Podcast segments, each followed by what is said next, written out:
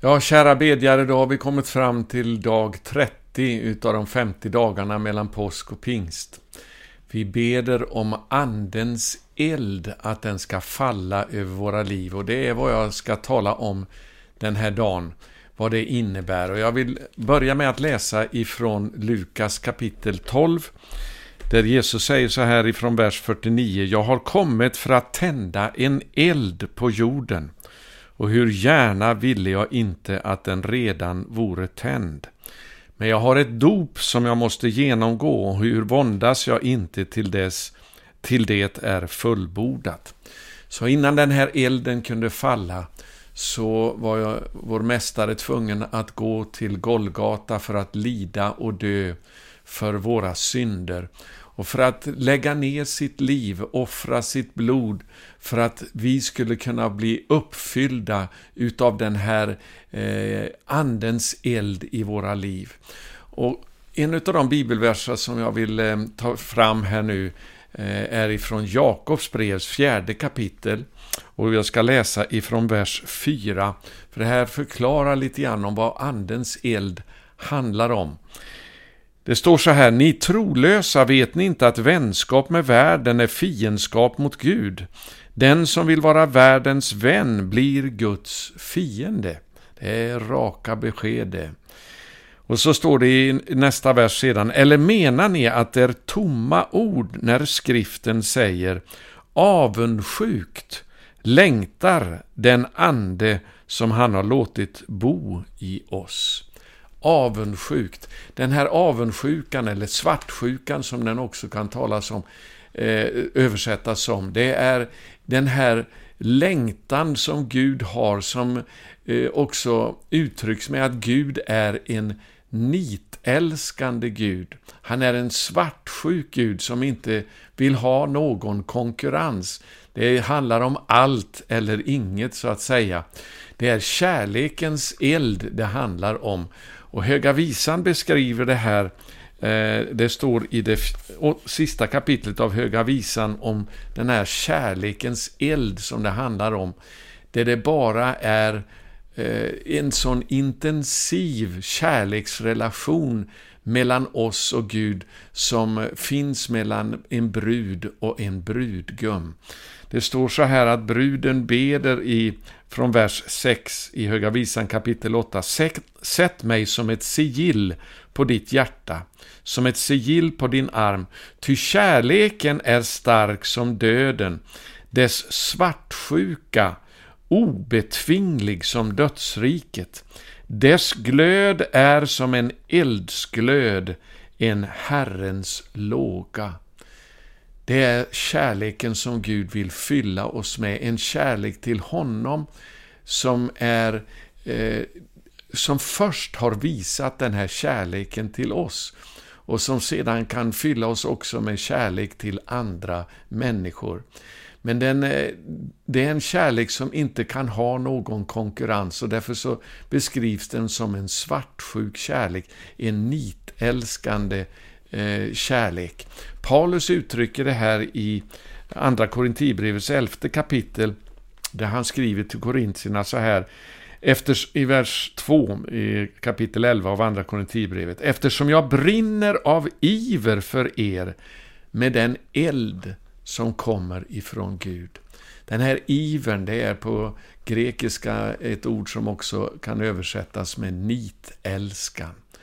Och det är det som Gud är. Han är en nitälskande Gud som eh, vill ha den här odelade kärleken tillbaka ifrån våra hjärtan. Och när vi ber om Andens eld över våra liv så är det det här som vi ber om, vänner. Eh, jag ska läsa också, det står ju som vi läste i Jakobsbrevs fjärde kapitel, att skriften säger avundsjukt längtar den ande som han har låtit bo i oss.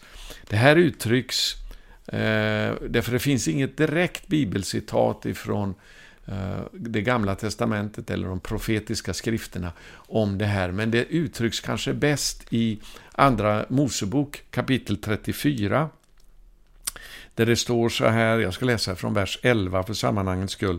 Rätta dig efter, dig efter det jag idag befaller dig. Det här alltså börjar med att Gud säger att vi ska eh, lyda hans ord. Och det ingår i den här kärleken som han vill tända i våra hjärtan, där vi får en sådan eh, brinnande kärlek till hans ord. Och där vi lyder honom. Eh, se, jag ska driva bort amoréerna, kananéerna, hetiterna, periserna, hivena och jebusiterna för dig. Det här är alltså världens makter det handlar om.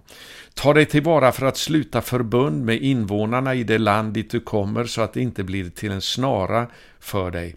Istället ska ni bryta ner deras altaren, krossa deras stoder och hugga ner deras aseror.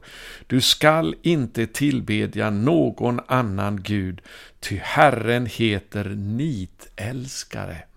En nitälskande Gud är han. Så det är den här eh, kärleken som han har till oss och som han förväntar sig tillbaka till oss. Och det är därför som det står, vi, kärleken består inte i att vi först har älskat Gud, utan därför att han först har älskat oss. Och den kärleken demonstrerade han för oss genom att sända sin son till att lida och dö på korset, utgjuta sitt blod för att frälsa oss, rena oss från vår synd. Och han längtar efter den här kärleken, att den ska fylla oss eh, tillbaka till honom, där vi är trogna honom, där vi lyder honom och där vi inte har någon Eh, lojalitet till några andra gudar, där vi inte låter eh, vår kärlek så att säga, att den delas med någon annan. Gud vill att vi ska vara brinnande av iver i vår kärlek tillbaka till honom. Det är den här kärlekens glödande, låga, förtärande eld som Jesus kom för att tända i våra liv. Och det är därför som han säger till församlingen i Laodicea, O, att du vore antingen kall eller också varm. Men nu då du är ljummen så ska jag utspy dig ur min mun. För han klarar inte av en kärlek som är halvhjärtad, som är ljummen, utan han vill ha den helhjärtade responsen på den oändliga kärlek som han har visat oss. Och därför så längtar den här anden som han har låtit ta sin boning i oss med avundsjuka, med svartsjuka. Eh, så när vi är, ger allt för honom så ger han allt tillbaka också till oss. Och det är då vi kan bli de här övervinnarna genom den kraft som fyller oss och gör oss till segrare över vad som helst. Den driver ut all räddhåga. Kärleken ifrån Gud driver ut all räddhåga. Det finns ingen fruktan i kärleken. När vi fruktar Gud och älskar honom så behöver vi inte frukta någonting annat. Vänner, vi ska be att den här elden faller över våra liv under de här dagarna vi söker honom. Och eh, vi kanske, det är inte alla som, som kommer att vara med på det här, men det här är som en eld som kan sprida sig. När den får börja brinna i våra liv så kommer den också att smitta av sig sedan till andra. De var bara 120 räknar man med traditionellt på pingstdagen som fick den här eldstungorna över sina liv. Men det smittade av sig. Det blev 3000 som kom till tro redan första dagen och så fortsatte elden att brinna med tusentals som kom till tro. Eh, skaran ökades för varje dag med de som lät sig frälsas. Vi ska be att den här elden eh, som besegrar allt motstånd, som eh, gör oss orädda och frimodiga, att den ska fylla våra liv så att det inte finns någonting som konkurrerar, att vi inte har någon eh, kärlek till andra saker i den här världen. Det är det som Gud är ute efter. Och Johannes döparen lovade ju att den som kom efter honom, han ska döpa i den helige Ande och i eld. Ska vi be om det i våra liv nu under de här eh, dagarna som återstår ännu ivrigare fram till pingst. Den här elden som förvandlade Mose från den brinnande busken när, när han eh, fick möta Gud som en förebild till pingstens eld. Låt oss be tillsammans. Fader i himmelen. Vi tackar dig för löftena i ditt ord. Att du älskar oss med en sådan nitälskan, med en sån kärlek som brinner som en eldslåga. Och den vill du fylla oss med. Tack eh, Jesus för att du kom för att tända den här elden på jorden. Och vi ber att vi ska få bli ett svar på din bön. Att vi ska få bli förtärda utav den elden som kommer ifrån ditt eget hjärta. En Herrens låga, en kärlekens eld. Herre, det är vad vi längtar efter. Och vi ber att du ska fylla oss eh, med den elden ifrån himlen när vi söker dig under de här dagarna. Låt en eld börja brinna i Nordens länder av människor som har fått möta dig, eh, som har fått eldtungor över sina liv.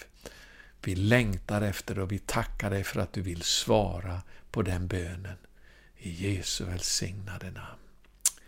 Amen.